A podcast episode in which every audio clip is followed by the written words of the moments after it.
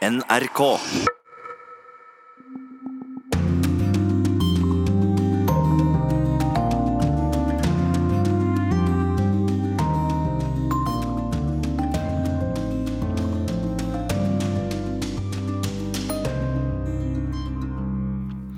Dette er Urix på lørdag.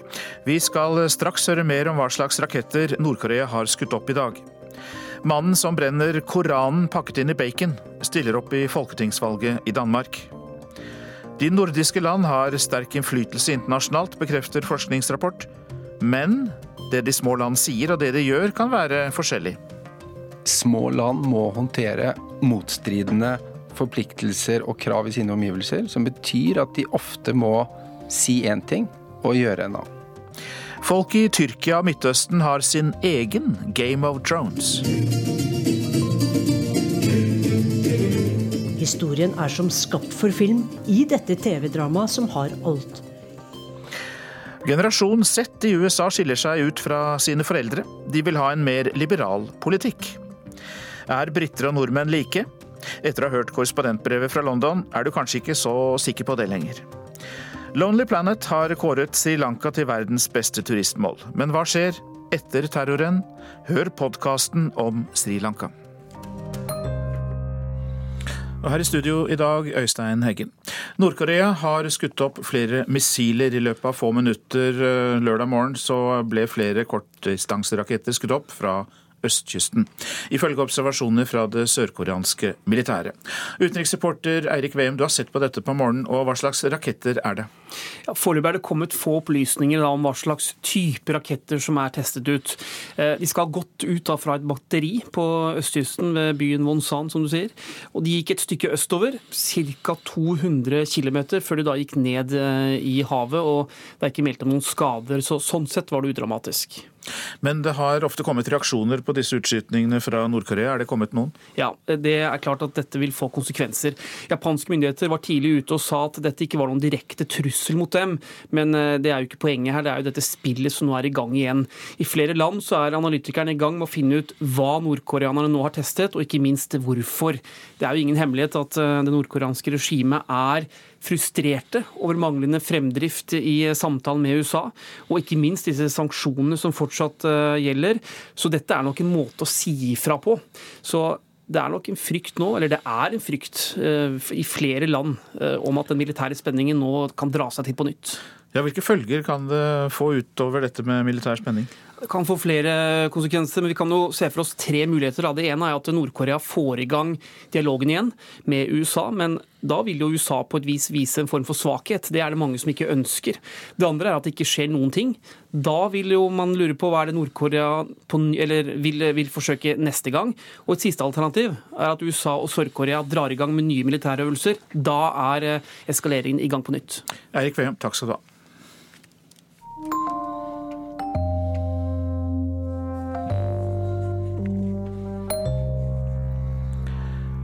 I Danmark vil partiet til den rasismedømte Rasmus Paludan ha fått 3,9% av stemmene hvis det hadde vært folketingsvalg i dag. Det viser en velgermåling som Hugov har gjort for den danske avisa Berlinske Tidene. Rasmus Paludan er kjent for sine provoserende demonstrasjoner hvor han brenner koraner. Hans mikroparti Stram kurs har et islamfiendtlig program. I påsken førte Paludans aksjoner til protester og uroligheter i København. Paludan klarte i rekordfart å få nok underskrifter til å stille opp i folketingsvalget. Rasmus Paludan er om mulig på vei til å sikre seg enda mer taletid i mediene. Hans parti Stram kurs har nemlig rundet 15 000 velgererklæringer. Så lykkedes det for Rasmus Paludan leder af partiet Stram Kurs, på nærmest ingen tid at tage springet fra at være en lidt klovnet figur på YouTube til at få indsamlet de 20.000 underskrifter, som gør partiet med den hidtil mest ekstreme indvandringspolitik opstillingsberettiget. Plutselig var han på alles lepper og i alle medier denne uken. Rasmus Paludan. Den rasismedømte youtuberen kjent i begrensede kretser for å steke koraner i bacon, og som i 2017 stiftet mikropartiet Stram kurs. Partistifter Rasmus Paludan, god aften til deg. Velkommen i Deadline. Takk. Stram kurs som parti vil genopprette Danmarks etnonasjonale homogenitet. Hva betyr etnonasjonal? Ja, Det betyder jo at man fokuserer på øh, det nasjonale som bringer folk sammen på bakgrunn av etnisitet, og i dette tilfellet altså etniske dansker. Egentlig er han utdannet jurist, og partiet Stram kurs tar bl.a. til orde for å forby islam i Danmark og utvise flyktninger. Men hvordan var det at han plutselig havnet i søkelyset nå? Jo, det har han jobbet lenge for. I fjor holdt han over 50 demonstrasjoner, der han typisk stiller seg opp i boligområder med en høy andel innvandrere og tenner på koraner. Men det var først under hans 17. demonstrasjon så langt i år at begeret fløt over på Nørrebro i København. Politiet er lige nu talstærkt til stede på Nørrebro i København. Der er blevet kastet med bl.a. sten mot politiet, der har brukt tåregass. En person skal ha stormet mot Rasmus Paludan. Politiet geleidet Paludan vekk fra stedet, men sinnet var satt i kok. Og politiet fikk det travelt. I løpet av døgnet som fulgte, måtte politiet rykke ut til 70 branner som de knyttet til urolighetene. Ifølge Danmarks Radio skal Paludans demonstrasjoner ha kostet staten over 24 millioner kroner så langt. Men Paludan selv kritiserer politiet.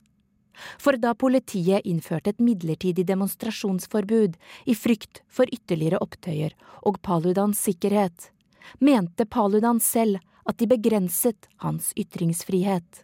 Dansk Folkeparti ba så justisministeren om å orientere om hva myndighetene gjør for å verne om borgernes grunnlovsfestede rett til å ytre seg fritt i en situasjon hvor demonstranter trues med vold. Ja, takk for, for spørsmålet. Det er jo et meget viktig og stort og Torsdag sa justisminister Søren Pape Paulsen under en åpen høring at han tar sterkt avstand fra Paludans metoder, og forsikret om at politiet jobber systematisk for å både sikre ytringsfrihet og ro og orden. Jeg tar sterkt avstand fra Rasmus Paludans sirkus, hvor det kun handler om å skape splid og, og provokere. Det gjør meg riktig trist, at, at vi er nået dertil. Men det er jo særlig de tilfellene hvor man er uenig, at man må holde fast og vise sitt demokratiske sinnelag. Nå som Stram kurs blir å finne på stemmeseddelen, spør mange seg om hvordan valgkampen vil preges av at Paludan ikke lenger bare er en klovn på YouTube, men en kandidat i den politiske manesjen. Rasmus Paludan tilføyer folketingsvalget sånn et element av noe freakshow. Mens mediene stiller seg spørsmålet om hvordan de kan sikre en balansert dekning av et forholdsvis lite parti som får svært mye oppmerksomhet. Et tema som også ble diskutert i den daglige podkasten du lytter til Politikken denne uken. Og nå utfordrer han oss, de etablerte mediers evne til å håndtere en figur som ham. Ja. Og det er dilemmafylt, og det er vanskelig. Det blir spennende å se hvordan det kommer til å gå. For det, det er bestemt ikke noen nem oppgave. Vi skal ikke til å oppfinne en særlig hjelpepakke for å kunne håndtere Rasmus Paludan som, som figur i en valgkamp. Og det det handler om nå, det er å sørge for at ikke å veksle det der skete på Nørrebro, til lige pludselig å være centrum i, mm. i en dansk valgkamp. Det er altså andre ting og vigtigere ting på spil. Ja. Charlotte Bergløff eh, rapporterte. Og vi eh, holder oss eh, i Norden, for hver for seg har de nordiske land relativt små. De er relativt små, men sammen er de på størrelse med en stormakt, og faktisk har regionen samlet sett en økonomi som plasserer dem mellom verdens tiende og tolvte. Men med en verden i endring, så er samarbeid mellom de nordiske land enda viktigere. Det går fram av en eh, fellesnordisk forskningsrapport lagt fram av NUPI, Norsk utenrikspolitisk institutt. Det gjorde de i går. Men eh, først til eh, Barack Obama. The Nordic countries are a model of cooperation, and they consistently punch above their weight in meeting the challenges of our time. The truth is, uh, they, we are grateful dette sa daværende president i USA Barack Obama da han hadde de nordiske statsministrene på besøk i Det hvite hus 13. mai 2016. De nordiske land punch about their weight, sa han, og de bokser over sin vektklasse altså, eller sagt på en annen måte, har mer innflytelse i verden enn man skulle tro ut ifra størrelsen. Og eh, forskningssjef eh, ved NUPI, som har vært med å lage den eh, nordiske rapporten om de nordiske land, Ole Jakob Sending, har Obama rett? Ja, Han har rett, fordi eh, de nordiske landene eh, har større innflytelse enn mange andre såkalte små eller mellomstore stater. Samtidig er dette noe som eh, de nordiske landene veldig gjerne vil høre fra en amerikansk president, og det tror jeg den amerikanske presidenten i dette tilfellet visste veldig godt. Og, og så er det vel det at Norge, men også de andre nordiske landene, kan da bokse over sin egen vektklasse, som de sier, rett og slett fordi de har mye penger og har valgt å bruke det på internasjonalt samarbeid. Og som Obama sa her, det, det man ofte bidrar til, er de store prosjektene som særlig USA er opptatt av at man skal bidra til. Dere har laget en forskningsrapport om eh, Norden sammen med kolleger i eh, andre nordiske land. Og eh, For at dette skal fortsette slik at Norden skal ha innflytelse i verden, hva må til?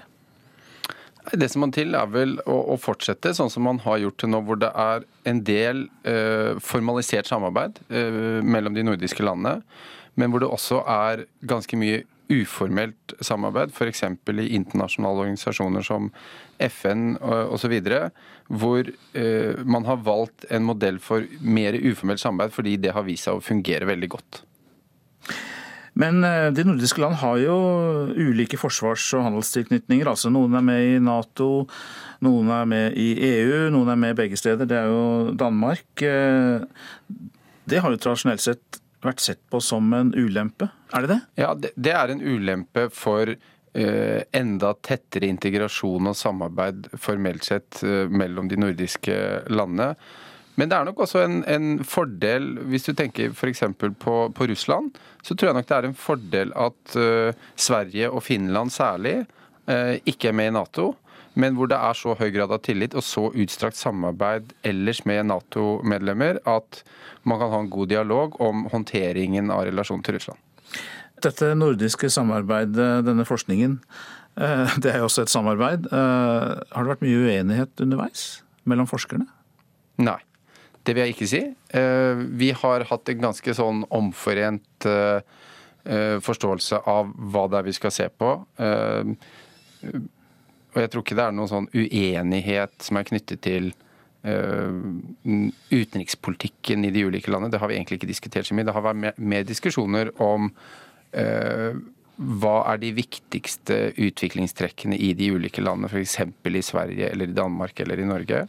Uh, hvor en interessant observasjon, syns jeg, eller syns vi, er jo at små land må håndtere motstridende eh, forpliktelser og krav i sine omgivelser, som betyr at de ofte må si én ting og gjøre en annen. Hvis du ser på Norge, så ser du at man, har, man er nødt til rett og slett å håndtere relasjonen til Russland på den ene siden, EU, ikke minst USA. Og da eh, kommer man ofte i en spagat. Så, og hvis du leser talene til utenriksministeren, og så ser du på ressursfordelingen i budsjettet og sånn, så ser du at ja, um, det, det, stemmer ikke alltid overens, eh, og sånn må det nok være fordi man må håndtere eh, disse ulike eh, forventningene i omgivelsene, og det gjelder også de andre nordiske land.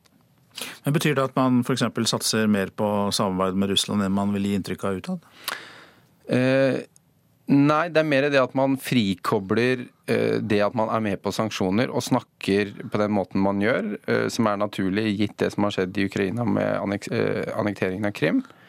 Men man ønsker jo å styrke samarbeidet sånn at man har en god dialog med Russland. Sånn at man har, eh, så vidt jeg husker, faktisk økt ressursene som skal gå til eh, Barentssamarbeid, samtidig som man er med på sanksjonene. Eh, Olje- og energidepartementet, tror jeg det var, har inngått en avtale med russerne om å dele data når det gjelder å se etter olje og gass i områder på, på hver side av grensen, f.eks. Så det skjer parallelt med at det er en ganske hard linje offentlig og knyttet til sanksjoner. Og Det er det lurt at små land gjør? Ja, Det er nesten en nødvendighet, fordi det blir veldig veldig eh, risikabelt å ikke forsøke å ha en dør åpen og ha dialog med Russland, gitt at vi er et naboland. Samtidig som vi er helt avhengig selvfølgelig av støtte fra USA og Nato, gitt at vi ligger der vi ligger. Og finnene er vel verdensmestere i sånn balansegang? De er flinke til det og har en lang tradisjon for å gjøre det. Eh, som eh, igjen tilbake til nordisk samarbeid tror jeg er veldig verdifullt for både forståelse og kanaler inn til, til Russland.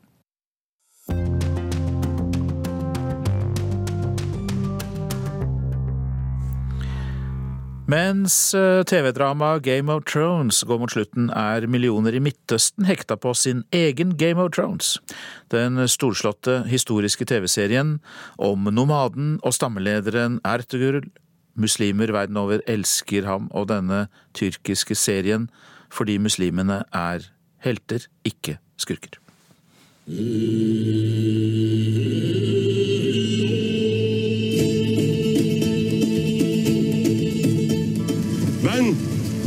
Süleyman Şahoğlu Ertuğrul. Jeg er Ertugul, sønn av Suleiman Shah fra Kayi-stammen. Når seriens helt presenterer seg for folk, skaper han ærefrykt eller redsel. Han er Anatolias beste kriger med en klar ambisjon. Å samle alle nomadetyrkere i ett rike. Tyrk and içerse sözünü tutmadan ölmez. Ertugrul er hovedpersonen i det historiske TV-dramaet Dirillers Ertugul. Ertuguls oppstandelse. Den virkelige Ertugul levde på 1200-tallet, da tyrkernes forfedre var nomader i Sentral-Asia. Nomadestammene var stadig på vandring, levde i telt og på hesteryggen.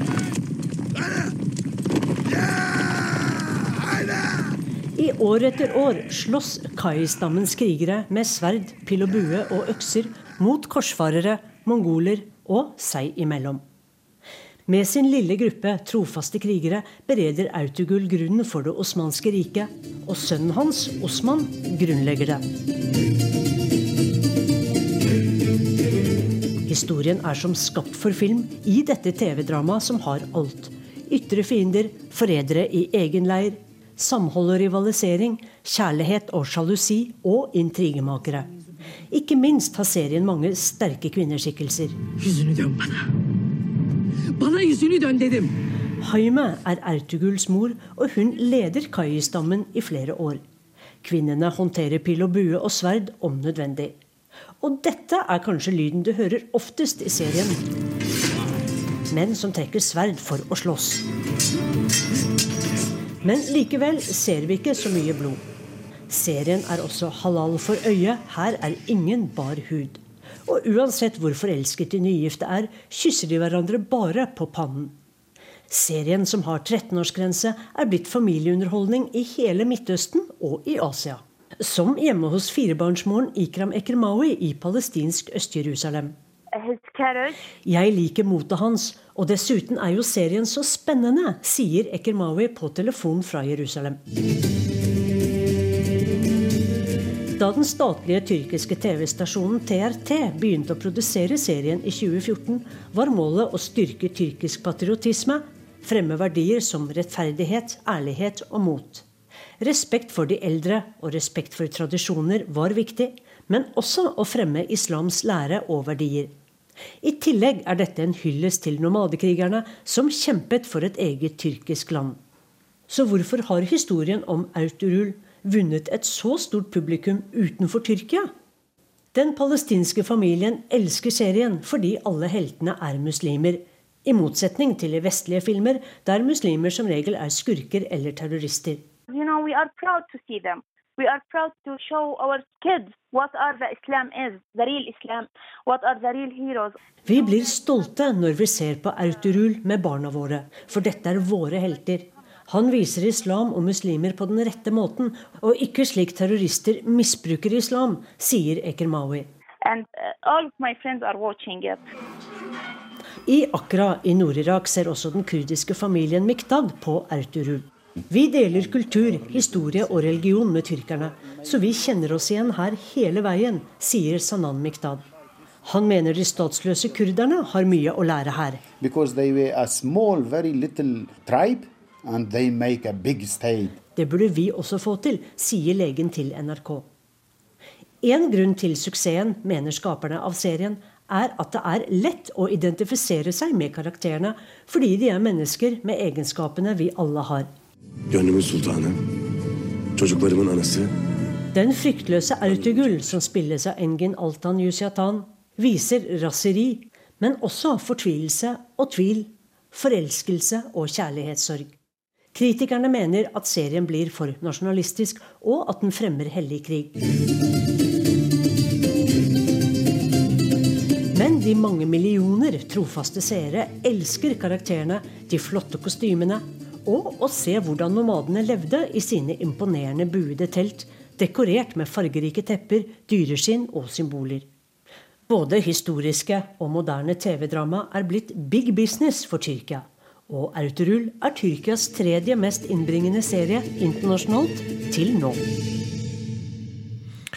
Og serien vises på Netflix i flere land. Korrespondent Sissel Wold hadde laget denne reportasjen.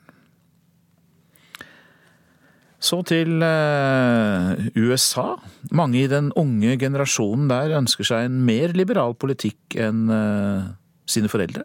En fersk undersøkelse fra Pew Research viste nylig at generasjon Z, som den gjerne kalles, skiller seg ut. Det gjelder også blant eh, unge republikanere når det kommer til synspunkter på rase, klima og statens rolle. Korrespondent Veronica Westerin tok turen til American University i Washington DC for å høre hvilke håp unge amerikanere der har for framtida. I guess just the general hope is that there's less division among, I guess, general citizens. I feel like a lot of people fight a lot.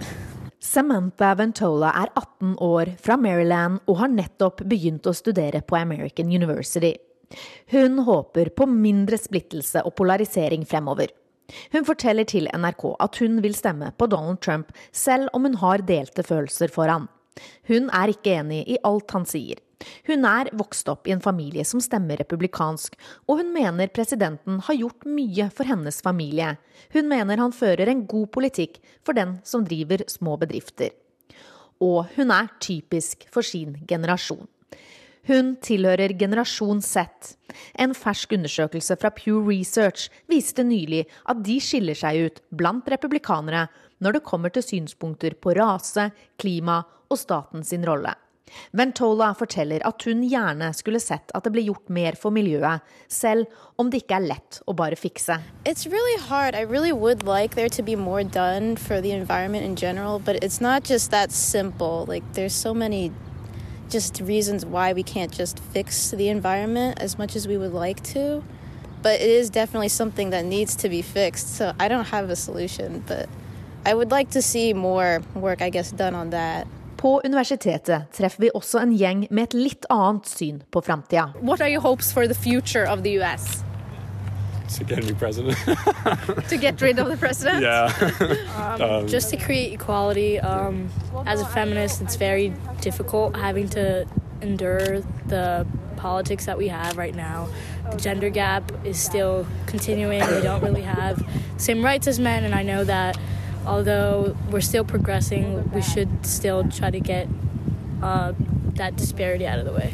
Undersøkelser utført av Pew Research har tidligere vist at denne generasjonen har mindre tro på presidenten. De er typiske for sin generasjon. De er kritiske til kjønnsgapet i amerikansk politikk og samfunnsliv. Det må endres, mener de.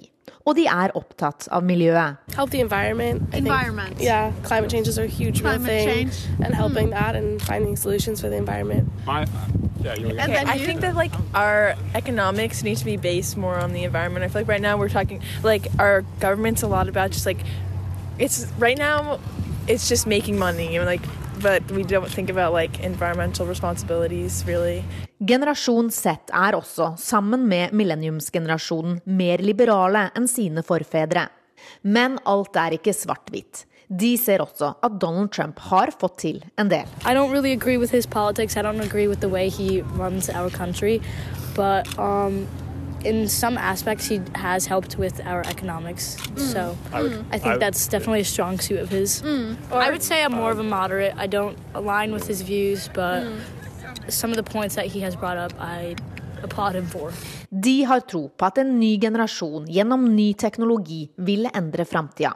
De er håpefulle fram mot neste valg. But also I feel like right now we're in a time where like a lot of younger people and a lot of more like people of different demographics are starting to stand up and actually vote and come out. I feel like it has to do with like kind of like technology and like how we're all communicating through like social media and stuff. But I think we're in like a really good time, and I'm like kind of hopeful for like the next election. I think there's hope that like somebody um, better will be elected.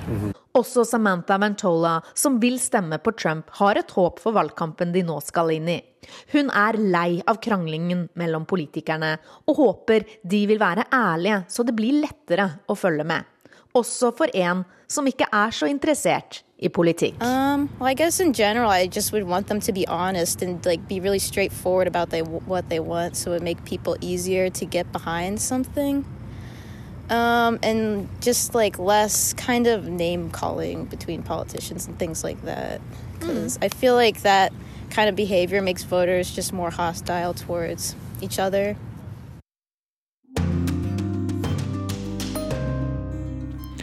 Dette er Urix på lørdag, og dette er utenriksnyheter akkurat nå. Storbritannias konservative statsminister Theresa May har tro på en avtale med opposisjonspartiet Labour om brexit-avtalen, ifølge BuzzFeed News. Labour skal ha fått gjennomslag for at Storbritannia går inn i en tollunion med EU, og at arbeidstakere sikres bedre rettigheter. Vi har hørt at Nord-Korea har skutt ut flere kortdistanseraketter i dag. Sør-Korea ber Nord-Korea om å stanse all aktivitet som kan føre til ytterligere militær opptrapping. Det israelske forsvaret melder at de har skutt ned flere raketter avfyrt fra Gazastripen inn mot Israel. Dette skjedde i dag tidlig. Totalt skal det være snakk om rundt 90 raketter. Ukens eh, korrespondentbrev kommer nå, og der spør London-korrespondent Øyvind Nyborg om det britiske samfunnet egentlig kan sammenlignes med vårt eget. Jeg bare elsker alt det britiske. Pubene, fotballen, humoren, TV-seriene og musikken. Det er derfor lett å tenke at britene er som oss, men det er de slettes ikke. Vi elsker alt ved Storbritannia. Ta kongehuset, for eksempel.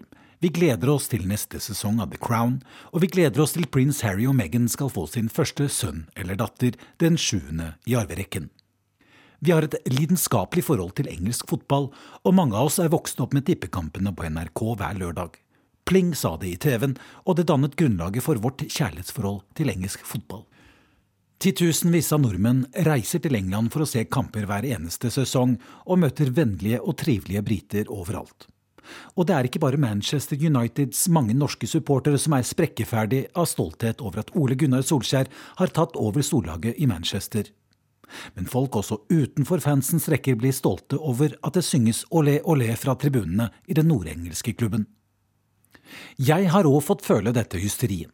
Min kone er nemlig en av dem som har latt seg rive med. Hun har lenge vært Arsenal-supporter fordi hun bodde ved lagets gamle Highbury stadion i Nord-London som student, og fordi hun syntes de hadde de fineste draktene, noe hun for øvrig nekter for på noe tidspunkt å ha sagt. Men etter at Solskjær kom på banen, har hun byttet til United. Det er en dødssynd i fotballsupporterverden, men hun synes altså dette er så stort at hun har byttet lag. Stor sans har vi òg for den engelske pubkulturen, og vi elsker britisk humor. Monty Python, Faulty Towers, Mr. Bean og humorgeniet Ricky Gervais, kjent fra The Office, er bare noe av det vi ler oss skakka av fra de britiske øyer. Trenger jeg nevne den massive innflytelsen fra britisk pop og rock? Jeg holder på med å lage en liste over de ti beste britiske låtene gjennom tidene. Jeg vet at både The Beatles, The Kings, The Smiths, Elvis Costello og Richard Thompson må stå der, men det er så mye bra å ta av at jeg får rett og slett ikke til å fullføre den endelige listen. Jeg tar gjerne imot forslag til en ti på toppliste. Historisk sett er det òg tette bånd mellom oss og britene. Jeg traff kong Harald etter prins Charles' 70-årslag på Buckingham Palace. Han hadde spist lunsj med dronning Elisabeth. Hun er jo kusina mi, sa kong Harald. Det var en påminnelse om de historiske og kulturelle båndene mellom våre to land, som ble kraftig styrket under andre verdenskrig. I sum bidrar dette til en følelse av kulturell tilhørighet med britene. Og mens jeg går der på Oxford Street og handler, så er det lett å tenke seg at britene er akkurat som oss. Men det er de nok ikke. Noe av det første man legger merke til på reisen til London, er de mange som sitter på gaten med en kopp i hånden og tigger. Rundt seg ligger skitne soveposer og noe papp som brukes til underlag. Bare i Londons indre by er det rundt 3000 mennesker som bor på gaten. Dette er bare toppen av isfjellet i et land med store økonomiske skillelinjer. De økonomiske skillene er kanskje mest tydelige i skolesystemet. I nabolaget her vi bor, på Londons sørvestlige kant, så finnes det skoler som koster opptil 350 000 norske kroner for elevene. Landet rundt flytter foreldre etter der de beste skolene ligger. Myndighetene legger til rette for dette med omfattende publisering av skolenes akademiske resultater. Men det er ikke bare skolevalg som avgjør hvor godt du vil lykkes i det britiske samfunnet. Og du trodde kanskje at fotball var viktig, men det er ingenting i forhold til rugby, blir jeg fortalt. Hvor godt du lykkes i livet avhenger nemlig også av hva slags rugbylag du kommer med på. Her dannes det allianser som blir viktige senere i livet, kanskje til en karriere i toppdiplomatiet. Men den store hopen går på vanlige statlige skoler, en skole som lider av mangel på penger og ressurser. I den siste tiden har det vært flere historier i mediene om lærere som må vaske gulv og toaletter etter skoletid, som må sitte i kantina i storefri, og som må være trafikkvakter utenfor skolen for å få budsjettene til å gå rundt. Elever kommer sultne til skolen og får tilbud om å være med i egne frokostklubber organisert av frivillige organisasjoner. Frokosten de får er kanskje det eneste skikkelige måltidet de får den dagen. Hjemme er det ikke penger til annet enn frityrstekt kylling og chips med ketsjup, eller det er ikke noe mat i det hele tatt. Britene har blitt Europas feteste folk, og det er neppe fordi de er latere enn oss, men fordi mange ikke har annet valg enn å spise den billigste maten, som også er den dårligste. Offisielt ble 14 millioner porsjoner med mat registrert delt ut av frivillige organisasjoner i fjor. Trolig er det enda flere. Men mange lykkes også veldig godt i det britiske samfunnet. Uansett politisk tilhørighet så snakkes det fortsatt om arbeider-, middels- og overklasser her. De som tradisjonelt nå lengst, har gått på kostskole, som eksempel på Eton ved Det kongelige slottet i Windsor. Derfra går de videre til prestisjeuniversiteter som Oxford og Cambridge, et springbrett til en videre karriere. Men utdanning, det koster penger. Mye penger. London er en urban smeltedigel og et internasjonalt finanssentrum, men resten av landet bærer i stor grad preg av å være et mer tradisjonelt industrisamfunn enn det vi er vant med fra Norge og i store deler av Europa. Storbritannia har på mange måter flere likhetstrekk med USA. For i likhet med mange amerikanere har store deler av befolkningen lavtlønte jobber. Bilindustrien er f.eks. For fortsatt veldig stor i Storbritannia, selv om gamle engelske bilmerker som Rover er i ferd med å flytte sin produksjon til land som har enda billigere arbeidskraft. Bakgårdsbilverksteder er vanlig, et syn som tilhører sjeldenhetene i Norge. I Storbritannia er det drøye seks millioner mennesker som jobber for minstelønn, som er på rundt 75-80 kroner timen. I flere distrikter lever det folk som både er annen- og tredje generasjons. De som er i jobb, opplever nok at arbeidslivet er mer brutalt enn i resten av Europa, med lavere lønn og lengre arbeidstid. Thatcher-tiden bidro også sterkt til svekkelse av fagforeningene. Briter går på myntvaskeri fordi de ikke har vaskemaskin hjemme, og de handler på grønnsakstorget for å få frukt og grønt litt billigere enn på superen. Når gikk du sist på torget for å prute på poteter?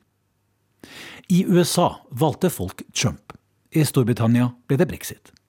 Svært mange jeg har intervjuet og snakket med det siste halvannet året, sier at situasjonen for dem neppe kan bli verre enn det den er. Politikerne sa at dersom Storbritannia bare melder seg ut av EU, så kan alle pengene brukes i Storbritannia i stedet for i Brussel. Det vil komme helsevesenet, skoler og velferden til gode. På mine reportasjeturer rundt om på de britiske øyer oppdager jeg flere grunner til at folk stemte for brexit. Mange har lenge følt at deres nabolag er i sterk endring. Plutselig er det like vanlig å høre polsk på nærbutikken som engelsk. Folkene fra de østeuropeiske EU-landene bidro med ufaglært og billig arbeidskraft i konkurranse med deres egen. Samtidig kom hundretusenvis av mennesker over Middelhavet i gummibåter og vandrer nærmest fritt gjennom Europa og blir ønsket hjertelig velkommen av Tysklands Angela Merkel. Alt dette skremmer mange briter. Med utmeldingen fra EU skulle man igjen få kontroll med egne grenser. Vi har nå alle sammen bilder inni hodet av Underhusets ordstyrer som roper ut Åde! Åde! Brexit er blitt en ellevill historie, og mange er oppriktig engstelige for landets gode navn og rykte pga. kaoset som råder. Etter over 40 år som EU-medlemmer skal de ut, og det har utløst den største politiske krisen siden Winston Churchill kom til makten og andre verdenskrig truet. Nå finnes det noen helt klare skjæringspunkter mellom forskjellene i samfunnet og brexit-prosessen. Flere av de harde brexit-forkjemperne er både Eton-gutter og utdannet ved Oxford. Det gjelder f.eks. begge Nei til EU-generalene Jacob Rees-Mogg og Boris Johnson. De er kanskje først og fremst imot EU av ideologiske grunner. For dem står nasjonal selvråderett veldig høyt i kurs. De mest konservative tabloidavisene har fulgt opp dette og har tegnet opp en forestilling om at i og med at Storbritannia har vunnet to verdenskriger ett VM i fotball, så kan de godt klare seg helt fint uten Den europeiske union. Det er bare et spørsmål om to get on with it. For andre dreier det seg om å gjenreise nasjonens stolthet. Selv om det nok ikke var ment helt sånn, så er argumentet å finne i statsminister Theresa Mays mange taler. Hun snakker om The Global Britain, som skal børste liv i gamle vennskap med andre verdensdeler og regioner etter brexit. Det britiske imperiet var verdenshistoriens største stormakt, men begynte å slå sprekker i mellomkrigstiden. Mange av brexit-forkjemperne blir òg beskyldt for å ville frigjøre seg fra det europeiske regelverket om arbeidernes rettigheter, forbrukerrettigheter og miljøkrav. Det blir sagt at deres agenda er å fortsatt holde vanlige folks lønninger lave, og sånn sett opprettholde de økonomiske skillelinjene slik de alltid har vært her i Storbritannia. Men 17,4 millioner briter stemte for utmeldingen fra EU, omtrent halvannen million flere enn de som ville forbli. Siste fredag i mars møtte jeg mange av dem som stemte for brexit. Titusenvis av mennesker hadde tatt seg inn til hjertet av London. Meningen var at de skulle feire at de endelig var ute av EU. Over 100 ganger hadde statsminister Theresa May sagt at Storbritannia skulle ut av EU 29. mars klokken 23. Men slik gikk det som kjent ikke. Akkurat nå er det ingen som vet hva som skjer med EU-utmeldingen. Det ligger an til at britene må delta i EU-valget tre år etter at flertallet stemte for å gå ut av Den europeiske union. Det gjør mange folk sinte og forbannet. Som en sa til meg.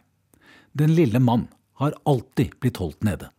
Så stemmer den lille mann på brexit, men den lille mann er igjen sveket av politikerne.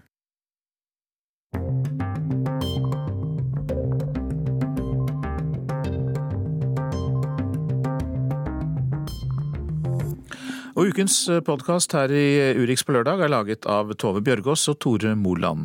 Og vi skal til Sri Lanka. Om du skal reise ett sted i år, så bør du dra til Sri Lanka skrev Lonely Planet. Men det var før selvmordsbomberne tok med seg mer enn 250 mennesker i døden i påska. Og det var tross alt borgerkrig der for bare ti år siden. Hva koker egentlig under lokket til verdens hotteste turistmål?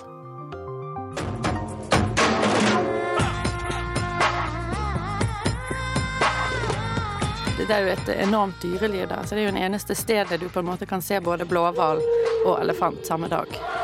Du kan bade stort sett på alle kanter. Nå er jo Sri Lanka unik sånn sett at de har et klima på vest- og østkysten som er litt ulikt i forhold til hvilken årstid det er.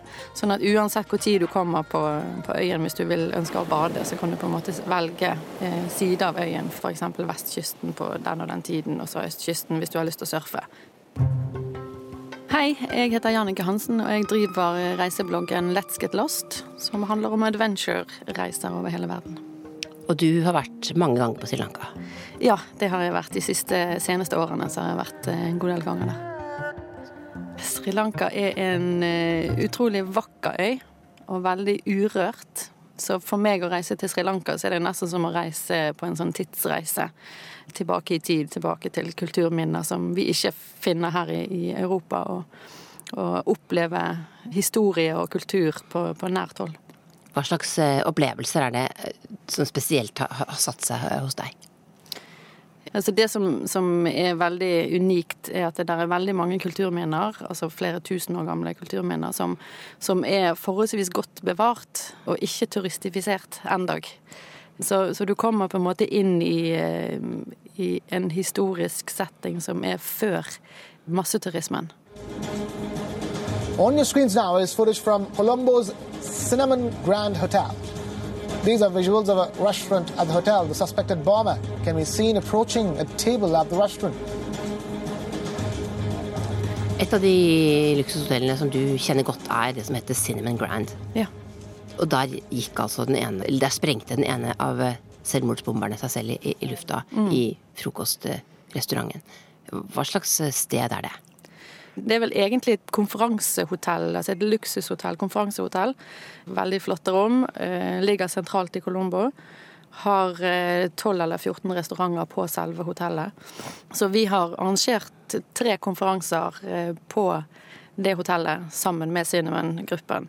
I regi av Professional Travel Bloggers Association, som jeg er president i. Hva tenkte du når du hørte hva som hadde skjedd? Nei, altså jeg, jeg, kjente at det, det, ble veldig tett. Det ble veldig Altså der satt vi og mm, Jeg var der i oktober, da hadde vi en konferanse. Eh, og den frokostrestauranten, det var der vi satt og spiste frokost og lunsj og, og middag. De sier her at det var 126 bare i denne kirken her. En selvmordsbomber kom under messen. Hvis vi går litt lenger bort, så kan vi se at det fremdeles er Nå går jeg i glasskår her. Det er eh, ikke ryddet skikkelig opp.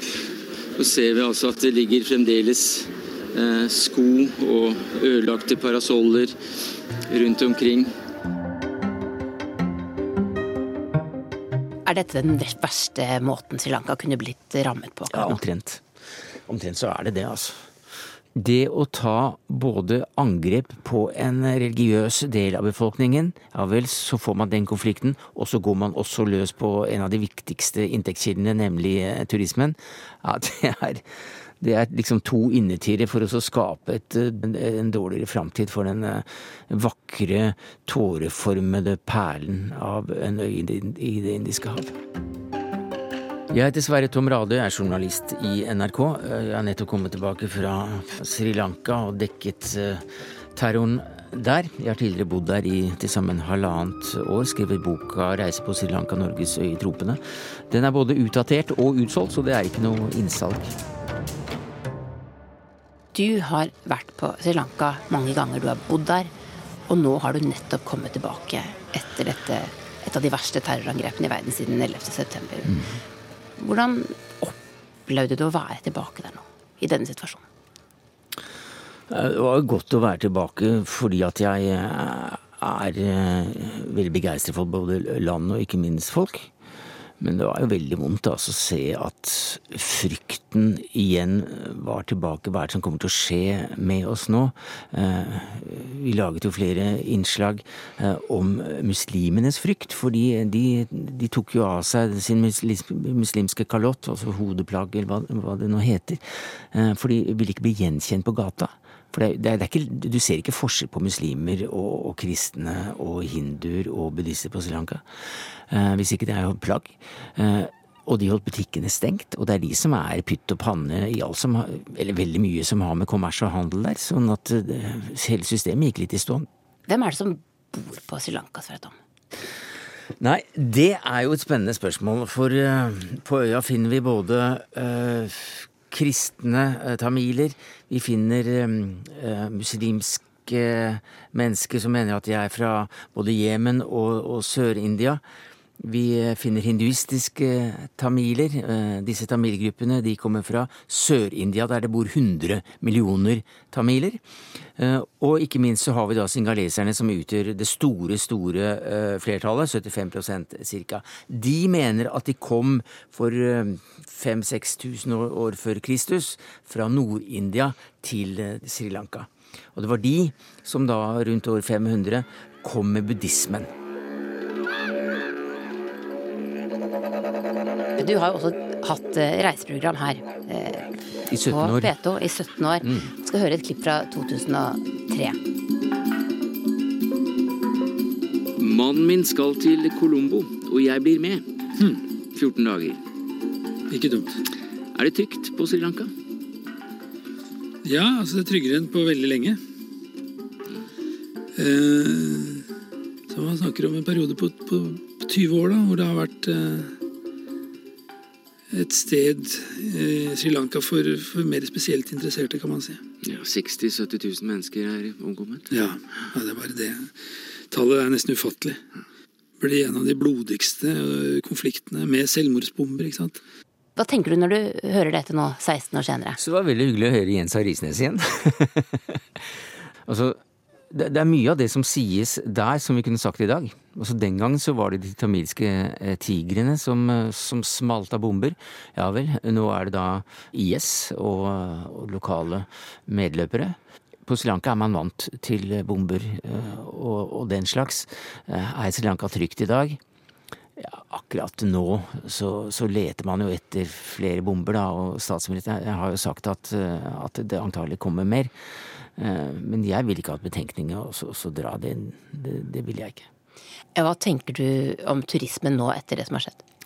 Nei, Vi vet jo at turismen kommer tilbake. Ikke minst fra, fra Egypt så ser vi jo det gang på gang. Men det, men det kan ta tid. Og turismen er kjempesårbar. Sri Lanka har alt nesten som et turiste kan ha. Altså, du finner så mange kulturer oppå hverandre. Du finner historiske lag for den, den interesserte. Du finner befolkningsgrupper. Altså, du går forbi trommer og, og basuner som spilles i bryllup, så, og så hu, ropes det fra minareter, og det, det er kirkeklokker, og, og, og, det er hinduistiske prosesjoner rett ved siden av hverandre. Du, du, du vasser i store, kulturelle, interessante opplevelser, bland det da med endeløse, kritthvite strender, ganske folketomme med palmene hengende utenfor. Du kan eh, få, få nabogutten til å gå opp og hente en kokosnøtt til deg som han hogger i to, og du drikker eh, melken, du går ut og bader i, eh, i Det indiske hav. Nei, det, det, altså, så er det veldig lett å komme i kontakt med lokalbefolkningen. Det er veldig lett å være med i en uthulet trestamme med en uterigger, og så bare padle ut og være med på fiske. Det er, det er masse sånt du kan gjøre. Altså, du kan være med ned og plukke dine egne safirer eh, fra gruvesjakter. Du kan være med inn og, så, og, og, og, melke bøfler og lage din egen yoghurt. Du kan være med og plukke din egen te. Eh, det er så mye å gjøre. Du verden for et land. Then I jump into the church and I saw that my daughter oh my, it's on the floor. Jeg hørte et kjempehøyt smell. Da jeg løp inn i kirka igjen, så jeg dattera mi og kona mi på gulvet. I don't know what to do. And I was just saw my daughter on the floor. And I, I, lift, I tried to lift her up. She's already Jeg prøvde å løfte dattera mi, men hun var allerede død. Sudesh Kolon var på besøk fra Australia og hadde tatt med seg ti år gamle Alexandria til San Sebastian-kirken i Negombo. Det var påskemorgen, sju sjølmordsbombere sprengte seg i tre kirker og på tre luksushoteller på Sri Lanka. Jeg var jo på sånn rekviem-messe på Bredtvet kirke i Oslo for ofrene på Sri Lanka. Og da møtte jeg mange tamiler og mange som eh, jeg ikke hadde sett på lenge. Altså som jeg kanskje møtte da jeg var liten her i Norge. Og det var særlig en mann som jeg møtte. Han var veldig desillusjonert og frustrert. Og han, han er en gammel venstreradikaler som, som seinere ble tilhenger av tamiltigrene. Og han sa at bare i løpet av ett liv så har jeg tapt både klassekampen og frigjøringskampen. Og nå skjer dette, da, med terroren. Så han var Det oppsummerte også for meg veldig ja, hvor knust veldig mange, særlig tamiler, er, eh, har vært etter denne krigen. Jeg heter Johan Shanbeg Ratsnam. Jeg er utenriksjournalist i Klassekampen. Jeg ble født i Jafna nord på Sri Lanka. Eh, jeg har en tamilsk far og en japansk mor, og har vokst opp i Norge siden jeg var seks år. Men hva sier dine slektninger og, og, og, venner om, om det som har, som har skjedd? Det er vel nok veldig mange som, eh, som ikke venta at noe sånt skulle skje, fordi folk som kjenner muslimer på Sri Lanka, har venner eller naboer som er muslimer, anser nok de som helt vanlige mennesker, og det er de jo også. De har aldri utført noen terroraksjoner tidligere. Aldri vært tilbøyelige til å bli, uh, gå i ekstrem retning religiøst. Ja, muslimer på Sri Lanka snakker, eller de fleste av dem snakker tamilsk, men de anser seg ikke som først og fremst tamiler. De anser seg som muslimer. Eh, det er deres fremste identitet. Så mm, under borgerkrigen så har de også prøvd å holde seg unna, eller utenfor, krigen som eh, gikk mellom det singalesiske flertallet og den tamilske minoriteten. Eh, men de har jo havna i skvis under borgerkrigen. Så i 1999 så ble jo de muslimene som bodde i Jafna og Nordpøya fordrevet av tamiltigrene. Hvorfor det? Titusener av dem. Nei, På et eller annet tidspunkt så, som jeg sa, så stilte muslimene seg ut, på utsiden av den tamilske kampen. Men, uh, men, de ble jo innhenta uh, og uglesett av tamiltigrene fordi, og ansett som potensielle svikere i anførselstegn. Det høres ut som en gryte som det koker ganske kraftig i Sri Lanka. Og på ti år etter borgerkrigen så har det altså utviklet seg til en turistmagnet. Har det gått for fort, tror du? Ja, eller så tror jeg at omverdenen kanskje ikke har fått med seg de tingene som skjedd, har skjedd på Sri Lanka et, i løpet av de ti årene. Det ble erklært en uh, fred, men som i realiteten var uten forsoning. Det er et gammelt romersk ordtak som er, uh, er noe sånn som at de skapte en ørken og kalte det fred. Og på Sri Lanka så var det på mange måter det som skjedde. De, Hva betyr det? det de lagde en ruinhaug og sa se, her er det fred. Knuste tamiltigrene, drepte masse mennesker, okkuperte masse jord, altså militæret. Det er fortsatt masse militærbaser i områder i nord. Og militæret har for øvrig også gått inn for å bygge hoteller og gå inn i business selv, og blitt værende. Selv om krigen er over. Så sånn sett så kan man nettopp si at ja, de skapte en ørken, eller en ruinhaug, og sa se, her er det fred. Mens mistroen og, og misnøyen eh, aldri har forsvunnet blant den tamilske minoriteten, men også etter hvert mot andre grupper som har blitt diskriminert fra, av flertallet, som muslimene. Så mm, den um, mangelen på en politisk løsning på det tamilske spørsmålet har hele tiden ligget der og putret. Og den voksende singalesiske nasjonalismen og den buddhistiske militante eh, bevegelsen som har vært liksom spydspissen eh, for denne nye bølgen av nasjonalisme, den har også da skapt veldig mye frykt blant minoritetene, eh, andre minoriteter enn tamilene. Og hele den historien tror jeg har forsvunnet litt. The government has, you know, we have to take responsibility because uh, unfortunately if this uh, the sharing of, intelligence uh, information had been given to uh, the right people i think uh, at least this could have been um, um, whether it was a, could be avoided or even minimized Den srilankiske viseforsvarsministeren legger seg flat. Etterretningsinformasjon om at angrepene var under planlegging, kom aldri fram til de riktige personene, sier han. Terrorangrepene på Sri Lanka skjedde midt i en kaotisk politisk strid, der presidenten og statsministeren ikke har snakka med hverandre på lenge. Begge nekter for at de hadde sett den detaljerte etterretningsrapporten som advarte mot terrorangrepene.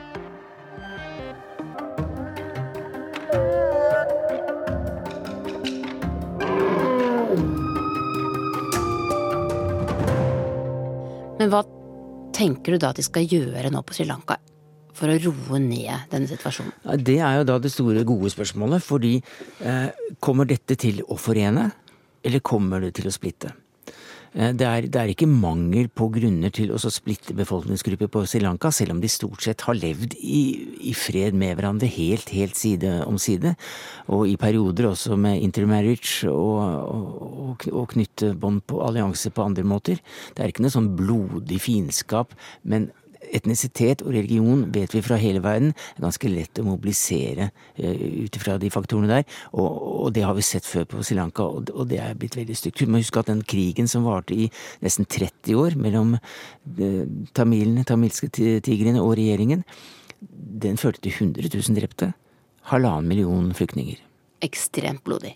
Noe av det blodigste, egentlig? Ja, fordi at det var så rått. Det var jo på Sri Lanka at selvmordsbombingen eh, på en måte Jeg skal ikke bruke ordet kunst, men altså at de, de dyrket det fram. Den første kvinnelige selvmordsbomberen i verden man vet om, var jo hun som da dro til Tamil Nadu i, i Sør-India og smelte seg selv av sammen med Så hun fikk med seg eh, Rajiv Gandhi, altså Indira Gandhis sønn. Terror kan jo skje hvor som helst og når som helst og overalt. Så eh, de må gjennom en, en periode nå som, som alle andre eh, som har vært rammet av terror eh, eller eh, angrep eller sånn. Så, så, må de gjennom en prosess nå for å, å opprettholde eh, trygghet og sikkerhet. Men vet, så lenge UD har et, et offisielt reiseråd som går mot altså en anbefaling mot å reise til Sri Lanka, så vil jo ikke norsk turisme til Sri Lanka være noe spesielt utbredt. Når tenker du at du drar tilbake dit, da? Jeg reiser tilbake igjen så fort som mulig.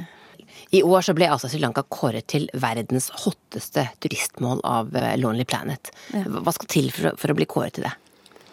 Jeg vet at det er veldig mange ut av de kåringene blant store internasjonale eh, publikasjoner som, som, på en måte er et markedsføringsopplegg. Som eh, man gjerne betaler ganske mye penger for å bli vurdert som eh, en destinasjon på den listen. Så det har nok lagt et ganske stort eh, arbeid bak fra, fra srilankiske turistmyndigheter for å bli vurdert og for å komme på den listen. Og det er jo en helhetsvurdering da fra Lonely Planet. Og det er litt fordi at det er ganske uberørt, men veldig tilgjengelig. Eh, og så er det tilrettelagt. Se på Bergen og eh, cruiseturistene som kommer inn på en eh, vanlig sommerdag, så er det helt uh, forferdelig å være i sentrum. Men selv om det er masseturisme på, på Sri Lanka, så har de på en måte klart å De å spre det ut på hele øyen på en, på en annen måte. Og hovedfokuset der har vært hele tiden å, å kunne tilby unike eh, kulturelle opplevelser. Altså, hovedmålet for Sri Lanka er ikke at folk skal komme der og ligge på stranden, for det kan de gjøre tusen andre steder. Du har hørt Urix på lørdag, teknisk ansvarlig Stein Nybakk, produsent Tonje Grimstad og i studio Øystein Heggen.